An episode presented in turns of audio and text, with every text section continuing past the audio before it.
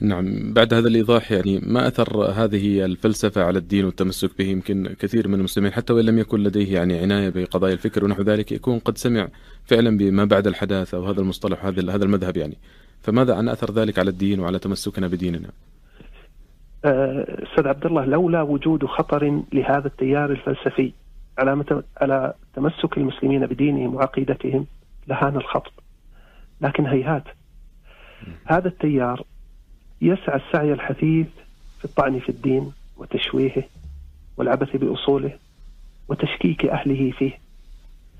وألخص هذا في أمرين يجتهد هؤلاء في تقريرهما وهما في غاية الخطورة. الأول جعل العقائد تصورات مرتهنة بمستوى الوعي متغيرة بتغير العصور. ومن ذلك الاعتقاد في الله العظيم سبحانه. فإنه في منظور هؤلاء يكون بحسب مستوى الإنسان العقلي ومدركاته الذهنية والنفسية. إن اعتقدته ربا متصفا بالكمال فلا بأس. وإن اعتقدت فيه النقص تعالى الله عن ذلك فلا بأس.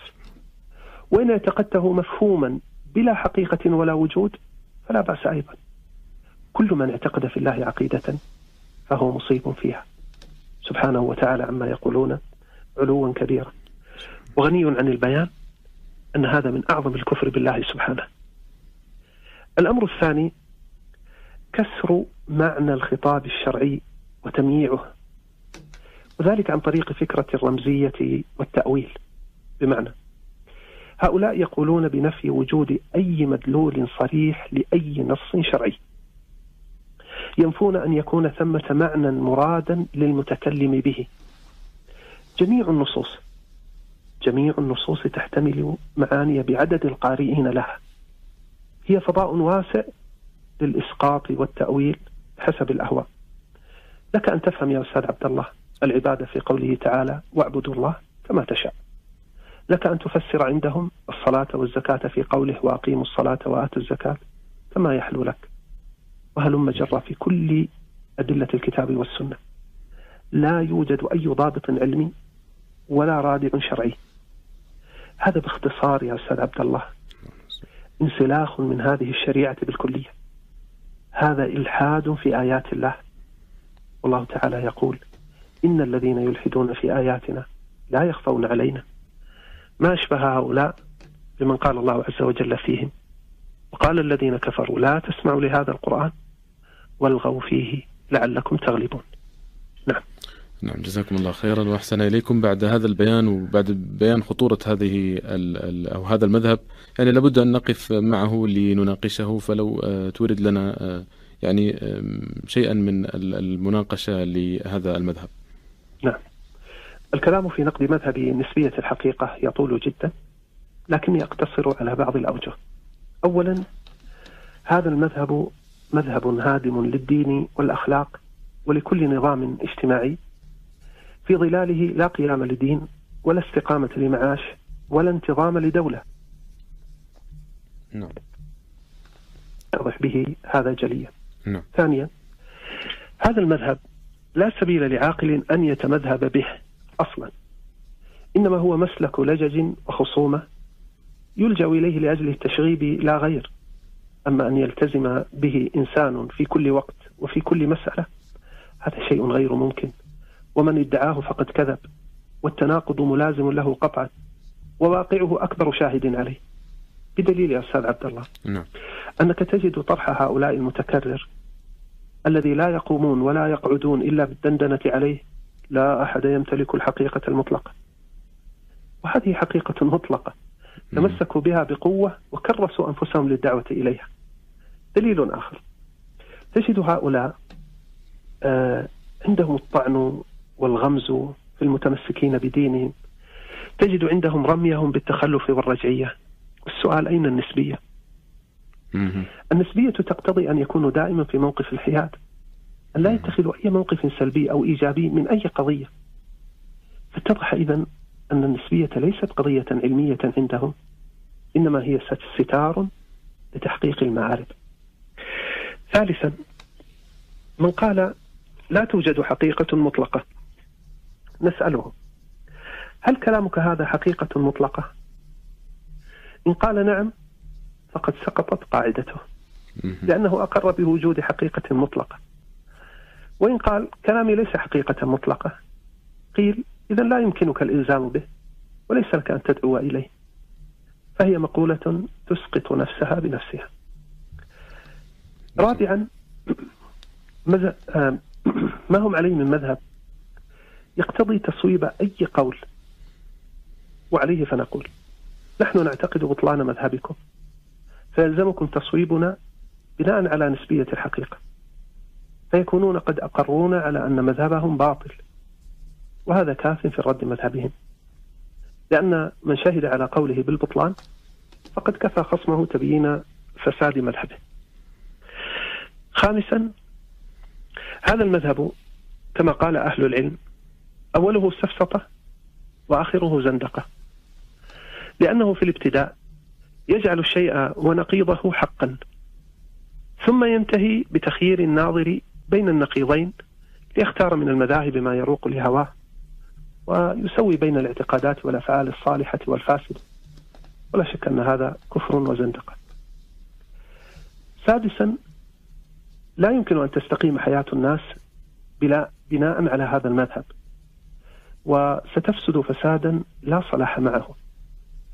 لأنه بناء على إلغاء الحقيقة المطلقة فيلزمهم أن يسوغوا لكل أحد أن يفعل أي شيء لأنه رغب فيه أو رأى فيه مصلحته حتى لو كان قتل الأبرياء وتقطيع الأطفال واغتصاب النساء والسطو على حقوق الآخرين. ومتى ما عورض بأن فعله جريمة فله بناء على هذا المذهب أن يرد ببرود ما ترونه أنتم جريمة. أراه أنا متعة. والحقيقة نسبية فأي فساد آه، وراء هذا الفساد؟ بالمناسبة يا أستاذ عبد الله نعم. هذا المذهب سيجد فيه الغلاة من الخوارج ونحوهم نعم. الحجة لهم في قتل المسلمين والمستأمنين بغير حق. إذ يمكن حين الإنكار حين الإنكار عليهم أن يقولوا ما ترونه أنتم إفسادا؟ نراه نحن جهادا والحقيقة نسبية. فأي فساد يؤول إليه هذا المذهب جميل. جزاكم الله خيرا. ذكرتم ستة أوجه وكنتم آه، يعني آه، قد نبهتم إلى أنها عشرة أوجه لمناقشة ما بعد الحداثة أو مذهب ما بعد الحداثة. نعم. آه، نحن نناقش حقيقة الفكرة. التي يعني تتبنى نسبية الحقيقة بغض النظر عن ما بعد الحداثة أو غيرها والمذاهب التي تتبنى هذه الفكرة كما ذكرت سابقا مذاهب كثيرة لكنني ركزت على أخطرها جميل. أعود حفظك الله وأقول الأمر السابع القول بنسبية الحقيقة لا دليل عليه وهذا كاف في سقوطه. توضيح هذا أن يقال أن يقال لمن يتبنى هذا المذهب. نعم. عفوا.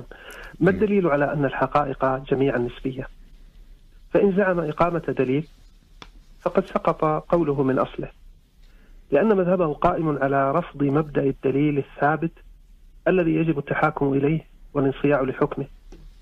وإن زعم أنه لا دليل عليه فقد سقط قوله أيضا لأن القول الذي لا دليل عليه غير صحيح ولا سبيل إلى التحقق من صدقه فهو إذا ساقط. عفوا. نعم. تفضل. نعم شيخ صالح أنتم تناقشون موضوع نسبية الحقيقة وهو موضوعنا في هذه الحلقة نسبية الحقيقة في الميزان وذكرتم آه، سبعة أوجه للرد على هذا المذهب وعلى هذا القول. آه، وصلتم إلى الوجه السابع الآن الوجه الثامن. نعم الآن الوجه الثامن. نعم.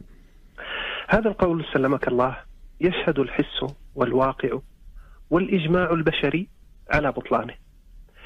البشر يا أستاذ عبد الله مسلمهم وكافرهم نعم. متفقون على حقائق مطلقة من مثل أن الظلم قبيح أن البر والو... ب... ب... بالوالدين حسن أن العطف على الفقير ممدوح أن الأجرة على العمل واجبة أن لكل حادث محدث. إلى آخر أن لكل حادث محدثا. إلى آخر ما يعجز اللسان عن حصره. اذا هذا الاتفاق البشري القطعي على ثبوت حقائق مطلقة كاف في بطلان القول بنسبية الحقيقة. جميل. الوجه التاسع يقال لمن يتبنى القول بنسبية الحقيقة.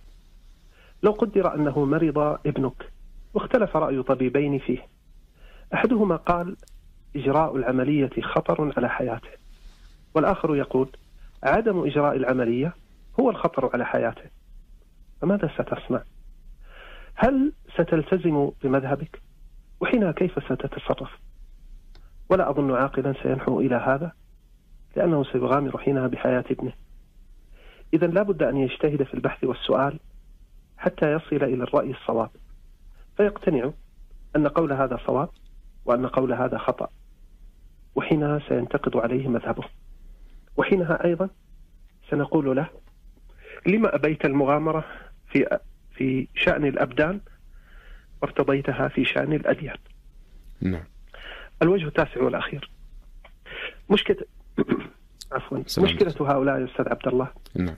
أنهم وقعوا في مغالطة التعميم المتسرع. مغالطة التعميم المتسرع. لأنهم يقولون الحقيقة نسبية. فاللوحة الفنية تراها أنت جميلة وأراها أنا قبيحة إذا الحقيقة نسبية. هكذا بكل بساطة كما يقولون. وهذه هي مغالطة التعميم المتسرع. آه، أستاذ عبد الله هل كل نعم. الأشياء مثل اللوحة؟ طبعا لا.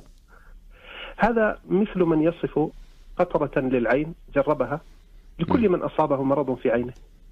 وهل إذا نجحت القطرة في مرض ستناسب كل مرض؟ الصواب أن من الحقائق ما هو مطلق. كما سبق وهي الحقائق المجردة القائمة على دليل صحيح ثابت أو البديهيات العقلية ونحوها. هذه مطلقة ثابتة غير متأثرة باعتقادنا فيها. هي مطلقة لذاتها. ومن الحقائق ما هو نسبي؟ وهي الحقائق المتوقفة على المتغيرات أو الأذواق.